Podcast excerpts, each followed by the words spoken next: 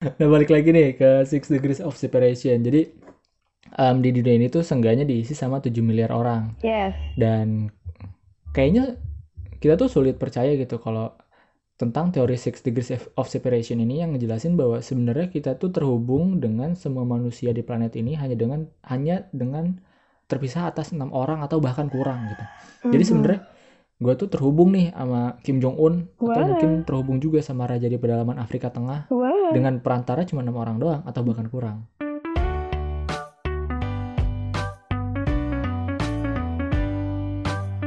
Selamat datang di podcast Argumentasi bersama gua Arsi. Dan gue Pican, di mana kita akan ngebahas segala sesuatu yang pengen kita bahas. Balik lagi di Argumentasi. Hai, balik Hai. lagi juga sama Pican dan Arsi. Yeay. Masih Kita masih di ya, masih di situasi long distance recording, jadi harus LDR lagi. ya dan mungkin ada balap-balapan juga audionya. Iya. Seru banget. Mm-mm. Kalian juga mengerti lah, ini kan demi konten, Azik. YouTuber, YouTuber, TV, juga mereka kayak sometimes memaksakan dengan video call gitu sama artisnya dan ternyata patah-patah dan ya udah ternyata nggak kita doang yang mengalami hal tersebut. Iya, betul. Kali ini gue mau ngebahas soal kita mau ngebahas soal Six Degrees of Separation. Wah apa tuh? Jadi gini, lu punya orang yang pengen banget bisa lo temuin nggak? Punya dong, parah. Siapa tuh? Siapa tuh? Ya tentu saja Salman Khan, Shahrukh Khan, Amir Khan, semua artis India. Of course. Jarjit itu. Singh gak Jarjit Singh?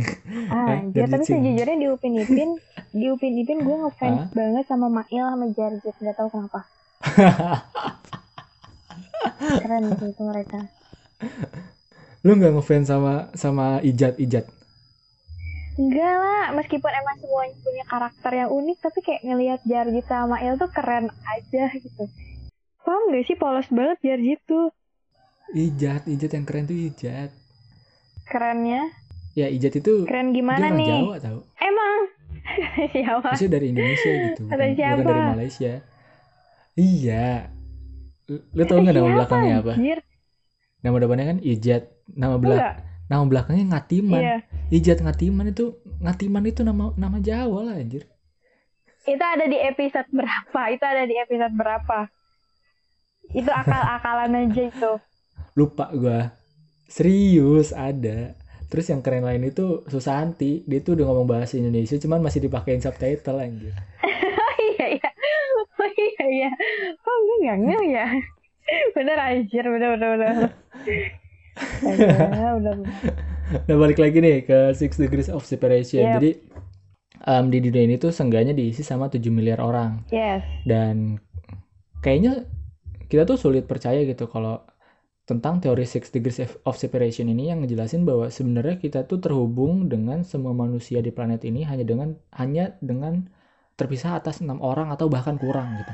Jadi Mhm. sebenarnya gue tuh terhubung nih sama Kim Jong Un atau Wah. mungkin terhubung juga sama raja di pedalaman Afrika Tengah Wah. dengan perantara cuma enam orang doang atau bahkan kurang. Oke, jadi kalau misalnya kayak gitu, ternyata ada penjelasannya. Misalnya, ada enam orang berdiri di antara kamu sama sama katakanlah sama Salman Khan atau sama Kim Jong Un. Iya. Dengan angka, idenya tuh terlihat cukup masuk akal. Ya kan anggap aja kamu tuh kenal sama 50 orang atau punya Iya. 50 teman Hah. dan 50 teman lu itu kenal 50 orang yang bukan temen lu gitu. Dan Aha. seterusnya.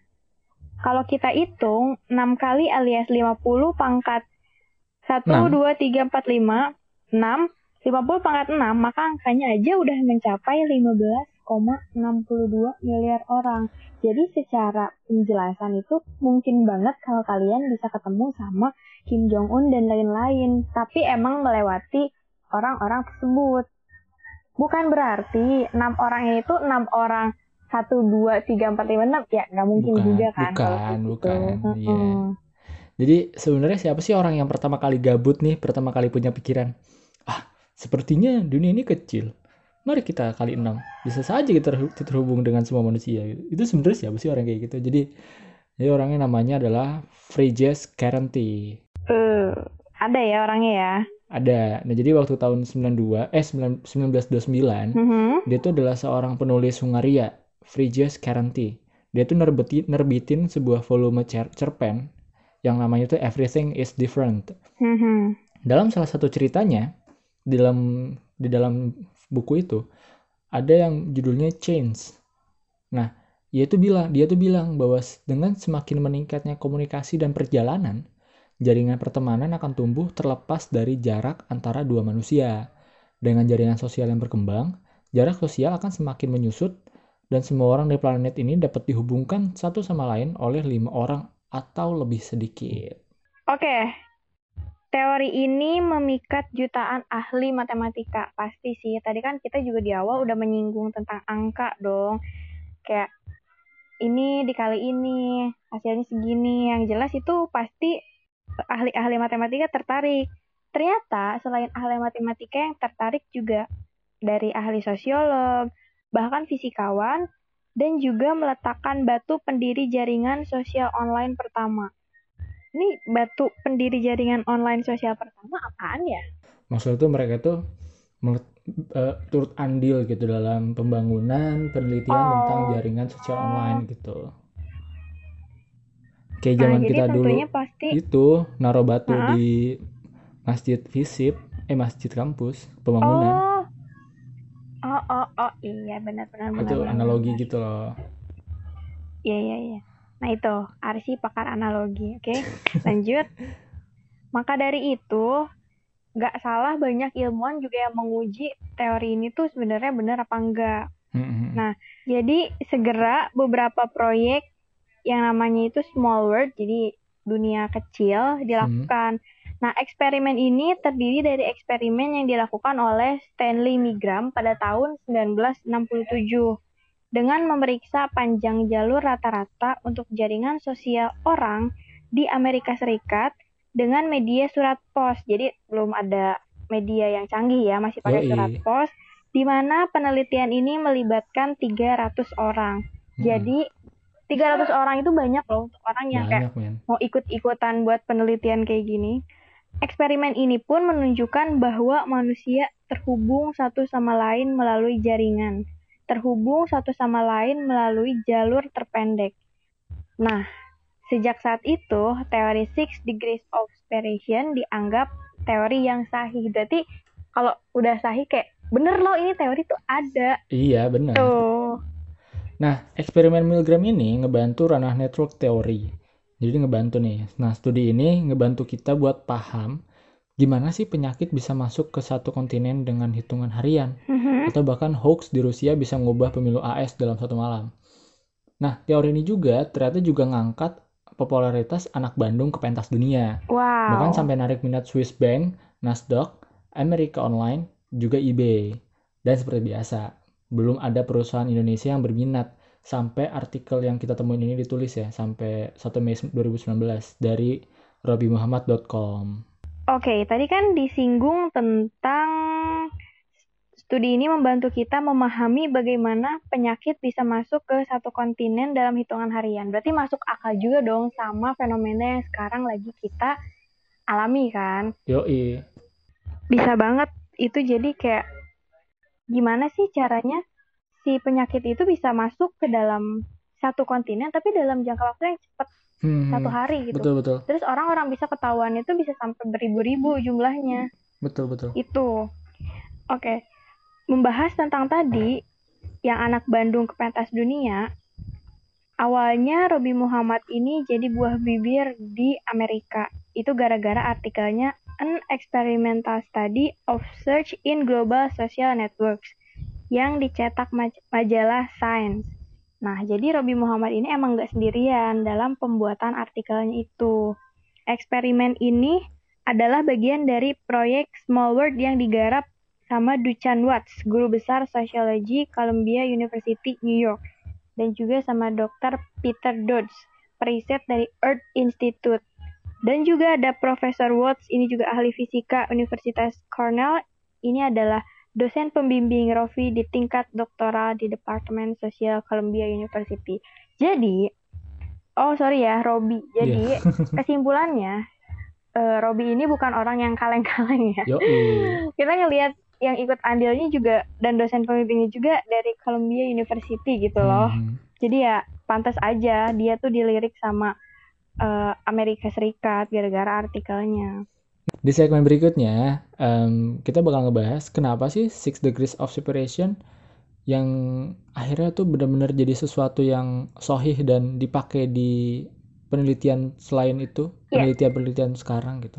Oke, jangan ke mana-mana. Kita akan lanjutin pembahasan ini. Jadi kalian tetap dengerin di podcast argumentasi. Yeay! Ya, balik lagi di segmen 2 masih ngomongin soal Six Degrees of Separation.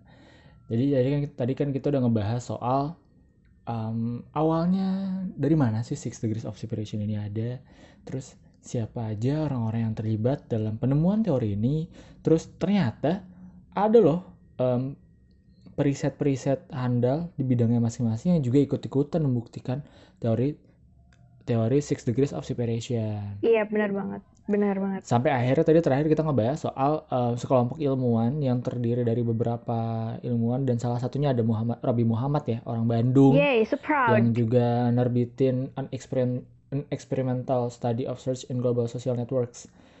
Di sini kita mau ngelanjutin jadi kenapa sih kelompok tadi, kelompoknya Robi Muhammad ini ngebet banget pengen um, ngegarap proyek buat ngebuktiin teori Six Degrees of Separation yang sebenarnya dulu tuh udah dianggap sohih atas uh, penelitian atas atas penelitiannya Milgram pada tahun 67. Mhm.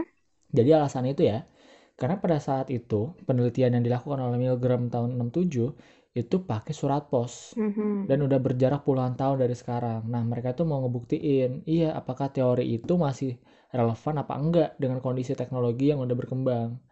Dan hasilnya ternyata Six Degrees of Separation hasilnya masih relevan kok. Keren berarti ya. Berarti teori ini tuh kayak kalau misalnya kita belajar, kita juga belajar teori kan. Kalau lu tahu salah satu teori komunikasi yang jarum suntik itu, Iya, itu kan teorinya eh, sempat sahih kan ketika pada masanya kan. Iya. Jadi orang-orang itu benar-benar eh, percaya apa yang media bilang, tapi ternyata teori itu ketika diuji sekarang itu udah nggak relevan lagi karena masyarakat aja sekarang udah mulai pinter gitu. iya betul. Ya, Hmm. jadi ternyata teori ini tuh masih relevan. Balik lagi ke pembahasan awal tentang degree of separation. Ini maksudnya adalah kita satu degree dari semua orang yang kita kenal. Jadi kayak keluarga, teman, ibu warteg, tukang parkir, dan siapa pun. Nah, jadi dua degree dari semua orang yang dikenal orang-orang yang kita kenal, dan selanjutnya sampai 6 degree. Sesungguhnya, gue juga nggak paham sih ini maksudnya apa. Jadi intinya gimana sih? Jadi maksudnya gini, maksudnya gini, degree itu kan derajat ya. Jadi Ya, satu degree itu satu degree itu dengan orang yang kita kenal jadi kita tuh satu degree dengan orang yang kita kenal nah jadi dari misalnya gue kenal sama lo nah itu satu degree satu derajat satu kali perkalian ketika lo kenal juga sama orang lain itu berarti udah masuk ke perkalian kedua degree kedua pangkat kedua oke. dan seterusnya dan seterusnya sampai degree ke-6 gitu Oh, mantap. Nah selanjutnya di tahun 2005 nih, sebelumnya berarti ya di tahun 2005 Seni Kamkar penulis potong ke- dia tuh nulis potong kecil kode atau virus di akun MySpace-nya dia. Jadi setiap kali ada yang datang ke profilnya dia si Semi Kamkar ini, virus itu bakal nyalin gambar dan tagline-nya di home yang yang tulisan tuh kayak gini. Semi adalah pahlawan saya. Di setiap orang yang ngunjungin home-nya dia. Jadi eh, si Semi ini Ya stalking ya. Iya, naruh naruh virus nih, naruh virus di home-nya si di eh, profilnya MySpace-nya dia. Ketika ada orang yang masuk ke ngestalk dia, itu virusnya bakal nempel ke akun orang itu dan secara otomatis bakal nampilin tulisan Semi adalah pahlawan saya Mhm. gitu. Nah, dalam 20 jam kode apa dalam 20 jam virus ini di diunggah ternyata udah ada lebih dari satu juta profil pengguna Spy- My- MySpace yang kena virusnya Itulah kenapa ini tuh dianggap sebagai salah satu virus web dengan pertumbuhan tercepat sepanjang masa. Meskipun sebagian besar nggak berbahaya, Semi tetap ditangkap nih sama Dinas Rahasia Amerika Serikat dan dilarang menggunakan internet selama tiga tahun. Wow. Berarti si Semi ini pinter ya? Iya, dia juga kayak mau ngebuktiin gitu loh apakah gue naro gue naro virus aja ya di di, di profil gue ya. Mhm. Gue pengen lihat nih siapa aja nih orang yang yang nge-stalk gue dan degree orang lainnya lagi gitu loh. Mhm. Dan jadi misalnya gue masang-masang gue masang virus di profil gue.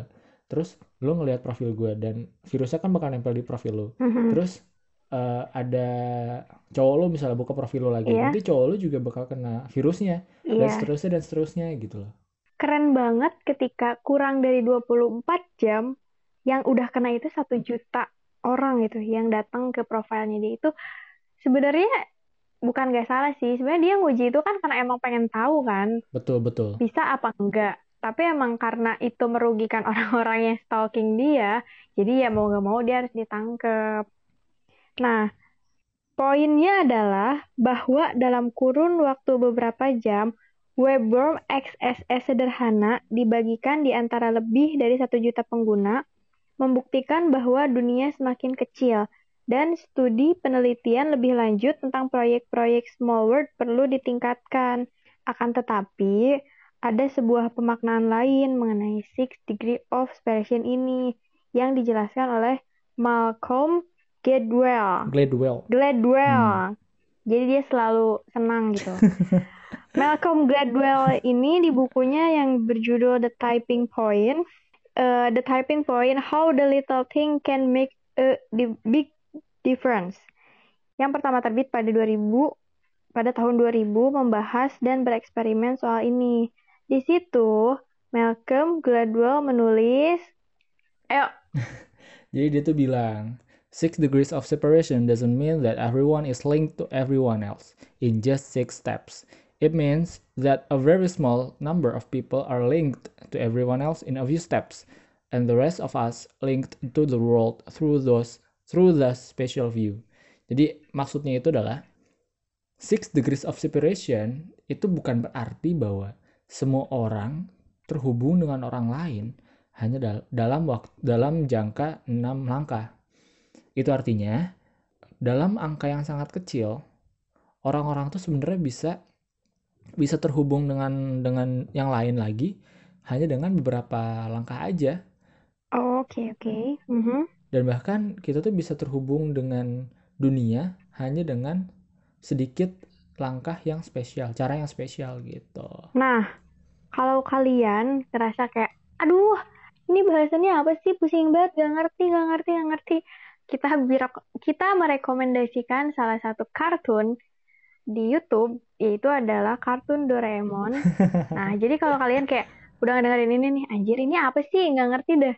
Nah, kalian bisa banget nonton yang Doraemon itu tentang kunci rambut penghubung kunci rambut penghubung. Jadi kalian eh, ketik aja episode Doraemon yang itu dan di situ tuh kelihatan banget em, kelihatan banget gimana sih kita bisa terhubung sama orang yang kita fan kita kita ngefans sama dia gitu kan. Jadi di situ tuh ceritanya kayak si Nobita itu kan ngefans sama Subasa, sumpah. Ketika gue nonton, kirain gue tuh Subasa pemain bola anjir. Terus pas gue nonton sampai ending, Bukan anjir. Anjir, cewek dong. Mungkin eh, beda ya. Nah, terus tuh kayak intinya itu Emang Subasa na- nama dia doang ya gitu. iya kan mikirnya kan kayak gitu. Mereka kan sama-sama dari Jepang gitu. Dan dan juga kan yang yang datang kan kayak Suneo sama Giant kan. Oh iya kali bener eh, pemain bola. Ternyata cewek. Nah, jadi sedikit kalau misalnya kalian Idol Mm-mm. gitu ya, dia tuh penyanyi Nah, idol. jadi kalau misalnya kalian nonton ini, kalian bakal lihat ada alat Doraemon yang super canggih. Jadi tuh dia tuh menghubungkan si Nobita sampai akhirnya ketemu dengan fansnya. Jadi kalau kalian penasaran, kalian tinggal nonton di situ gimana penjabarannya. Dan itu kalau misalnya secara visual kita bisa nangkep sih. Hmm, jelas banget di situ sih. Benar. Nah, oke, kita akan balik lagi. Tentunya di segmen yang ketiga, kita akan menyimpulkan bagaimana teori ini itu eh, ter- bukan terjadi sih. Kita akan menyimpulkan apakah teori ini benar. Emang udah benar sih. Emang benar. Oke, jadi kesimpulannya adalah berdasarkan kita. Jangan ke mana-mana, tetap di podcast argumentasi. Yeay!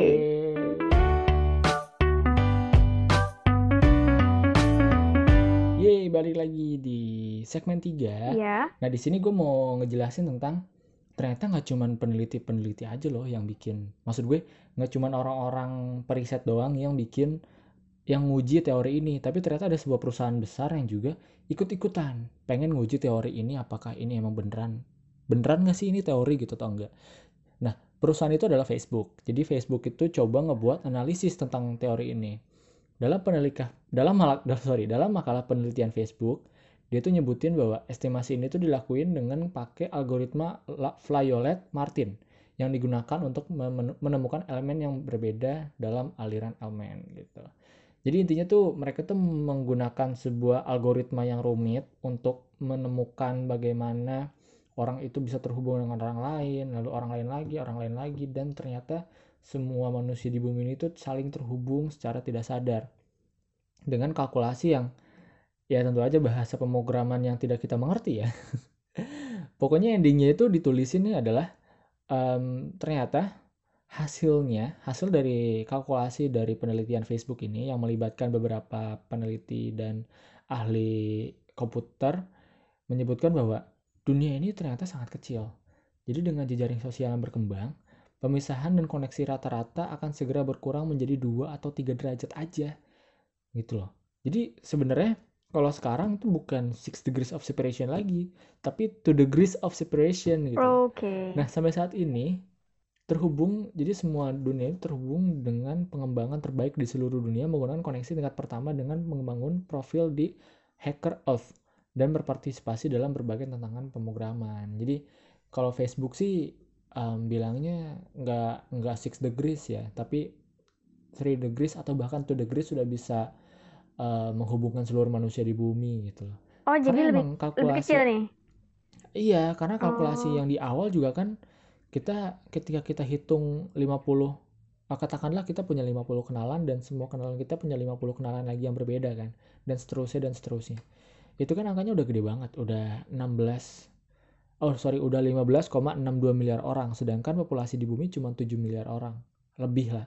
Berarti kalau misalnya 6 degrees itu udah ngasilin 15,62 miliar, ya tinggal ambil setengahnya aja sekitar 7,8 miliar itu udah dapat 7,8 miliar tuh bisa terhubung dengan 3 degrees aja gitu ternyata kal- kalau kita pakai kalkulasi 50 orang dan 50 orang lagi dan 50 orang lagi itu cukup dengan 50 pangkat 3 aja Oke. gitu. Fun fact. Ternyata di sini ada fun fact. Asik. Jadi tentang six degrees of separation ini nggak cuma di apa ya?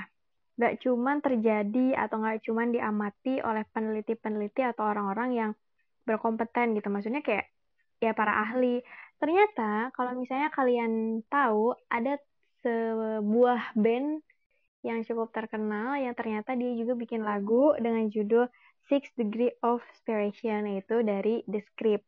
Nah, makna lagu Six Degrees of Separation ini lebih tepatnya itu kayak dia tuh menceritakan tentang 6 derajat perpisahan atau 6 tahapan dalam perpisahan. Jadi kalau misalnya kalian bedah, jadi ini ada jadi ada web yang ternyata ngebedah makna lagu ini dan di sini tuh kayak ternyata Descript kayaknya tahu deh tentang teori ini. Buktinya dia, buktinya kenapa sih tahap perpisahan itu harus ada enam. Jadi kayak ada orang yang mengait-ngaitkan gitu. Jadi terus ada beberapa liriknya, ada beberapa liriknya yang akhirnya kayak dimulai dari first sampai six. Jadi bener-bener enam tahapan itu tuh kayak, wah, bener nih, pintar nih musisi. gitu. Emang keren Hmm. kalau di luar Hmm. itu mereka bikin lagu tuh emang bisa aja nge, eh, ngebahas tentang sebuah teori atau sesuatu yang cerdas gitu, nggak ngebahas bosen apa gampang bosen kayak mamah muda, enggak, enggak kayak di kita. Oke, oke. Nah, dan juga makanya kenapa kadang-kadang Hah? orang-orang yang bikin lagu di luar negeri itu kalau misalnya dari sudut pandang lain tuh suka dianggap konspirasi, ngerti nggak sih? Kayak ya kayak tadi gitu Hmm, kan. hmm, betul betul Suka betul kita betul. hubung-hubungin, wah ternyata ada musisi yang ternyata bahas tentang teori ini. gitu tapi mungkin itu adalah bagian dari apa ya pikiran mereka buat ilmu pengetahuan Heeh. gitu. jadi mereka menciptakannya dengan sebuah lagu betul keren nggak ngebahas mamah muda yang gabut. Keren. Dan ada juga nih salah satu orang yang bilang teori ini beresonansi dengan pemikir spiritualisme seperti Alan Watts. Kita bukan hanya saling terhubung antar manusia tapi juga dengan alam. Jadi itu kayak sedikit komentar aja. Jadi maksudnya wes. tadi kan kita ngejelasinnya kita terhubung dengan manusia tapi ternyata kita juga bisa terhubung dengan alam. Nah dan juga ada yang bilang juga nih berarti kalau misalnya teori ini ada bisa me, apa ya bisa memvalidasi bahwa dunia ini hanya sele- selebar daun kelor Asik. betul soalnya Iya, emang di artikel-artikel artikel-artikel dalam negeri juga bahasanya itu project dunia daun ko- daun kelor si project small world ini Ah, iya benar benar benar. Oke, jadi kita akan masuk ke kesimpulan dan di sini juga kesimpulannya bisa jadi seperti ini. Kan ini teori ya, teori sosial. Kadang teori sosial itu jarang atau gak mungkin mutlak. betul betul Ada banget. beberapa keadaan yang membuat hal tersebut tidak berlaku. Mhm. Seperti kan tadi emang kita udah bilang kita bisa ketemu sama Kim Jong Un iya dengan melakukan tahapan ini. Mhm. Tapi ternyata ada aja pembatasnya. Contohnya seperti kelas sosial bisa jadi salah Iya. satunya. Ya kan kayak gini aja sih kayak circle kita tuh orang biasa. Iya. Bahkan sampai pangkat 6 pun sih circle orang kita tuh orang biasa. Jadi gimana cara kita ketemu Kim Jong Un gitu sih. jadi lu nggak sepenuhnya nggak sepenuhnya apa ya nggak sepenuhnya mulus lah mempercayai teori ini ya Tapi ya namanya teori pasti ada itunya juga sih. Apa sih kalau kita belajar teori tuh pasti ada ya pasti ada Celahnya. kekurangannya Iya, gitu. Nggak betul, mungkin betul. kan? Heeh. Kayak gitu. Oke, jadi menurut lo setelah kita membahas ini dan kita ngasih tahu ke teman-teman tentang teori ini, kesimpulan yang bisa lo dapat apa? kalau menurut gue sih ya ini sesuatu yang keren ya karena diawali oleh Mhm. em, seorang yang bikin cerpen gue nggak tahu apakah dia emang seorang yang sekedar seniman yang apa ya seniman yang cuman bikin cerita fiksi atau emang dia tuh sebenarnya pernah berpikir tentang hal ini secara serius terus kayak kayaknya gue pengen pemikiran gue ini diketahui orang dan cara yang paling tepat adalah dengan gue bikin cerita tentang pemikiran gue ini. Mhm. entah ya tapi kan memang di masa lalu ilmuwan itu juga em, berperan juga sebagai seniman. Kayak Leonardo da Vinci dia bukan cuma pelukis loh dia juga ilmuwan. Dia juga ilmuwan lintas lintas sains gitu lintas ilmu gitu. Dia belajar dia bis, dia mempelajari tentang matematika dia mempelajari tentang fisika dia tapi dia juga ilmuwan eh tapi dia juga seniman gitu loh. Dan mungkin si orang Hungaria ini siapa namanya tadi ya? Em, Siapa siapa siapa? Frigyes Kerenti gue rasa sih ini bukan sesuatu yang fiksi tiba-tiba dia tulis sih tapi ini sesuatu yang udah dia pikirin. Tapi balik lagi balik lagi ini tuh teori ya bukan hukum jadi kalau hukum tuh benar-benar udah udah mutlak lah udah sulit banget di di dipatahkan kayak hukum gravitasi ya udah emang ada gravitasi ada orang kalau ada orang yang bisa mematahkan hukum gravitasi itu jenius tapi gue rasa nggak ada sih dengan keterbatasan pemikiran gue ini Iya, benar-benar. Iya itu kalau hukum sama teori beda ya. Kalau hukum tuh benar-benar udah ya udah itu beneran mutlak gitu. Tapi kalau teori Mhm. kembali lagi teori itu itu teori itu memang sahih. Teori itu memang sudah melalui berbagai macam eh, pengujian yang panjang gitu. Tapi eh, teori juga bisa berubah. Kayak dulu teori em, bahkan ini teo- di di ini ya di ilmu saintek ya bukan di dunia sosial ya di dunia saintek dulu tuh manusia tuh percaya bahwa teori eh, geosentris bumi ini pusat perputaran alam semesta tapi ternyata muncullah Galileo Galilei dengan pemikiran heliosentrisnya yang berkata bahwa enggak kok teorinya salah teori yang benar itu matahari yang diputar yang yang dikelilingi sama Iya, sama mengelilingi. dikelilingi Mm. matahari yang dikelilingi sama Dikelilingi ya. Iya dikelilingi sama semua benda asing di tata surya. Jadi kalau teori ya masih bisa diubah sih. Apalagi teori sosial yang tingkat dinamisnya sangat sangat sangat kencang lah gitu. Cepat. Iya betul banget. Iya. Oke, kalau menurut gue sih, kenapa akhirnya kita mengangkat ini? Karena apa ya, nggak harus kisah-kisah nyata atau nggak bentuk-bentuk nyata yang harus kita sampaikan gitu. Kayak gini juga bisa banget disampaikan karena kan, oke, Suara kucing itu siapa? Owi ya? Eh, oke, ada iklan. Ini nih kayak ini kayak apa? Kayak live streaming Ajim sama Kang Emil nih. ah itu apa rumahnya Oke. dekat banget sama kosan itu tuh sama kosan cewek gue tuh di Bandung Ya kan lu komen di situ. Iya. Nah, jadi kayak menurut gue ini adalah sesuatu yang penting untuk menambah ilmu, untuk Betul. menambah pengetahuan. Betul. Jadi jangan dianggap kayak apa nih pembahasan apa nih emang bener. Ma- masalah bener atau nggak bener kan balik lagi ya, Hmm, balik lagi sama kalian. hmm. Tapi yang eh, setidaknya kita memberikan apa sesuai dengan moto kita adalah memberikan pengetahuan baru. Azek. Udah sih segitu aja. Iya, thanks banget yang udah dengerin. Jangan lupa juga untuk selalu uh, dengerin kita, follow kita di Spotify. Jadi kalau ada episode baru langsung nongol di Iya. home Spotify kalian. Iya, langsung Follow. muncul. Follow juga sosmed kita ada di Facebook, Mhm. uh, podcast argumentasi, di Twitter @podargumentasi, di Instagram @podcastargumentasi. Uh, jangan lupa juga buat share ke teman-teman kalian kalau misalnya kalian merasa ini adalah topik yang harus orang lain tahu.